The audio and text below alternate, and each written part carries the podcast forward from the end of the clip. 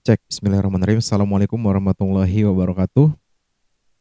Baik, kawan-kawan sekalian, uh, hari ini kita akan bahas sesuatu hal yang menarik lagi menurut saya, yaitu tentang kabar menghilangnya Jack Ma. Tiga bulan yang lalu, Jack Ma itu hilang dari publik, ya.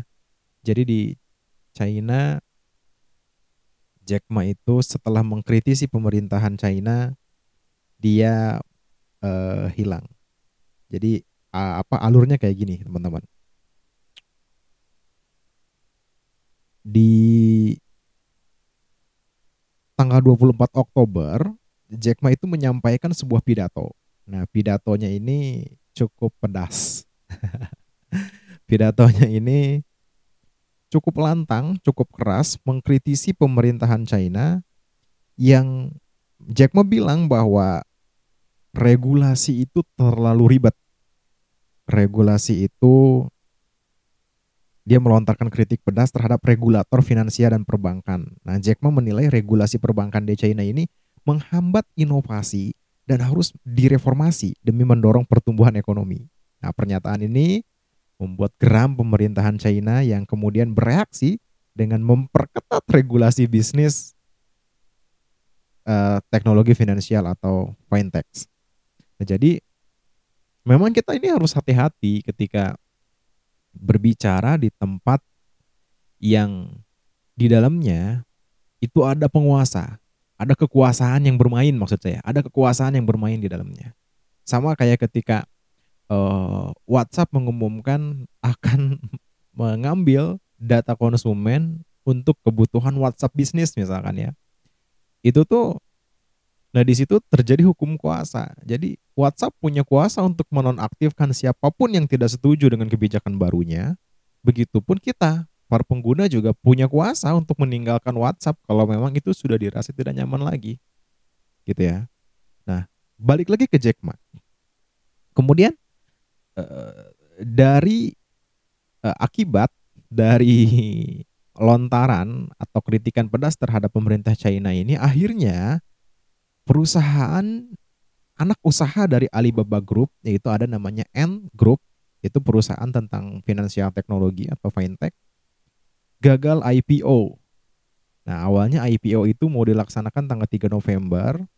Eh, dua hari sebelum IPO itu dijadwalkan dan sebentar lagi ya istilahnya ya dua hari dua hari sebelum IPO itu dijadwalkan maka pemerintah mengumumkan bahwa ini akan dibatalkan. Alasannya penangguhan cukup sederhana yakni adanya perubahan peraturan oleh regulator.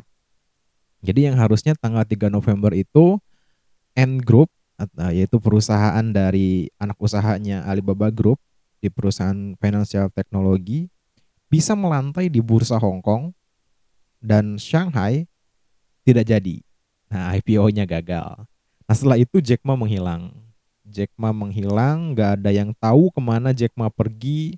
Ada yang mengatakan Jack Ma di penjara karena telah mengkritisi pemerintah. Ada yang mengatakan Jack Ma itu dibunuh. Ada juga yang mengatakan, oh enggak kok, Jack Ma ada. Jack Ma ada di uh, apa tuh di di di di di, di, di kota Hongju, yaitu markas perusahaan Alibaba. Nah sebetulnya pemerintah ini ingin menasionalisasi perusahaan Jack Ma. Jadi sebelum hari ini, hari ini kita tahu ya Jack Ma itu udah ada, udah udah muncul, udah balik lagi. Nah, pemerintah itu ingin menasionalisasi perusahaan Jack Ma. Kenapa? Karena listing dari perusahaan Jack Ma ini bukan dari Cina ternyata teman-teman. Alibaba itu IPO pertama kali di tahun 2000 Bentar, saya lupa datanya ya, 2013.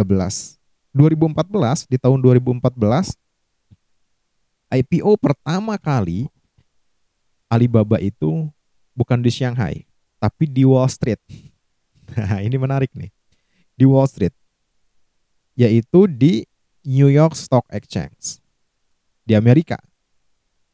Dengan penjualan di IPO itu Jack Ma berhasil mengumpulkan 21,8 miliar pada penutupan hari pertama IPO Dan ini merupakan IPO, IPO terbesar yang pernah ada bagi perusahaan yang terdaftar di bursa Amerika.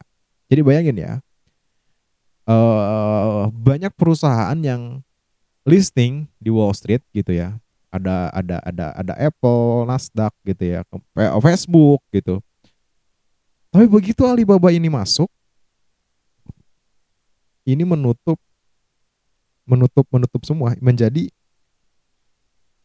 IPO terbesar. Jadi mengalahkan Facebook, mengalahkan uh, YouTube gitu, mengalahkan mengalahkan perusahaan-perusahaan yang milik Amerika sendiri. Padahal ini perusahaannya dari China.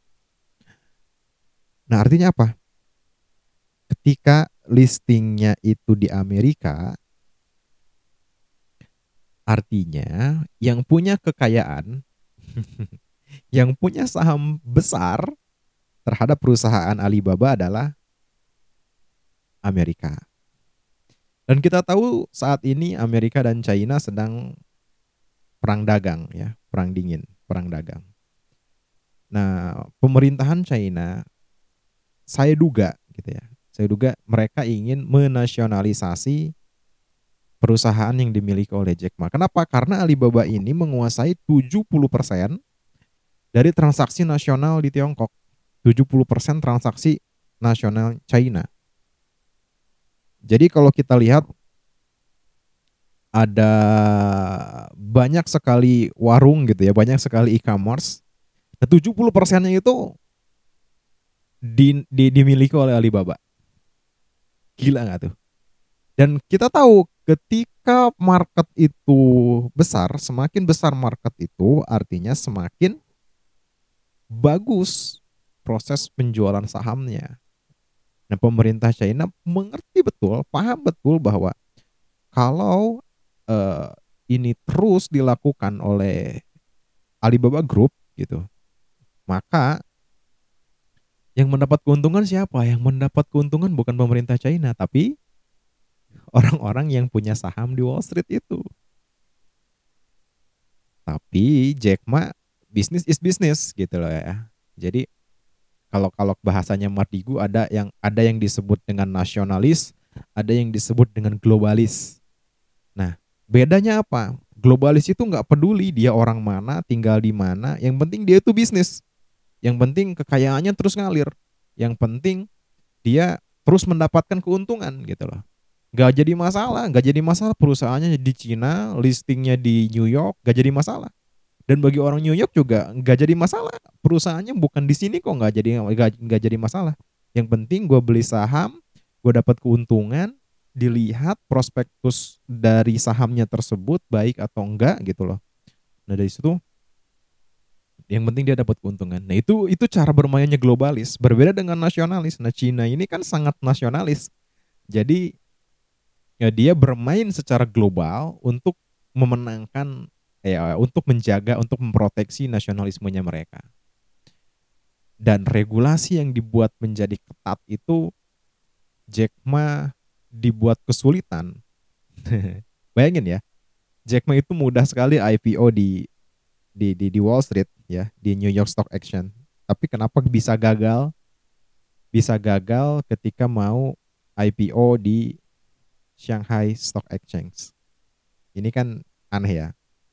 Tetapi akhirnya, nah ini juga menjadikan spekulasi bagi banyak pengamat bahwa Jack Ma akan muncul lagi ke publik dengan standar-standar yang berbeda.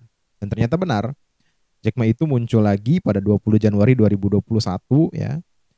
Untuk pertama kalinya setelah tiga bulan absen dari muka publik, kemunculan ini dilaporkan pertama kali oleh uh, Tain Munyus Ma muncul dalam sebuah siaran langsung di konferensi video untuk menyapa 100 guru di pelosok China. Dalam video berdurasi 50 detik, ya cuma 50 detik, mengenakan pakaian berwarna navy dan berbicara singkat di depan kamera, tidak diketahui dari mana melakukan siaran tersebut hanya tampak sebuah ruangan dengan latar belakang sebuah dinding dengan lukisan The Jack Ma Foundation and Alibaba Group uh, Mardigo Wawik memprediksi bahwa ketika Jack Ma ini kembali dia akan berpenampilan berbeda, berpenampilan tidak akan mengkritisi pemerintah lagi, tidak akan bersuara lantang lagi, dan kemungkinan dia akan lebih miskin 70 hingga 90 persen. Kita lihat apakah benar.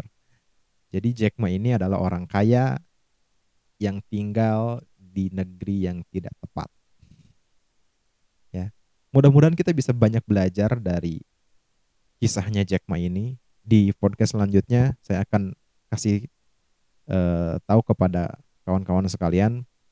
Saya juga banyak belajar dari Jack Ma. Salah satunya adalah tentang konsep alignment, konsep mensejajarkan pikiran. Ini adalah sebuah konsep untuk para leader sebetulnya untuk para pemimpin. Nah, ini nanti kita bisa duplikasi, bisa aplikasikan di tempat kita masing-masing. Jadi kita uh, Semoga teman-teman mau bersabar. Saya upload di podcast yang selanjutnya. Thank you, terima kasih yang udah mendengarkan sampai sejauh ini. Wassalamualaikum warahmatullahi wabarakatuh.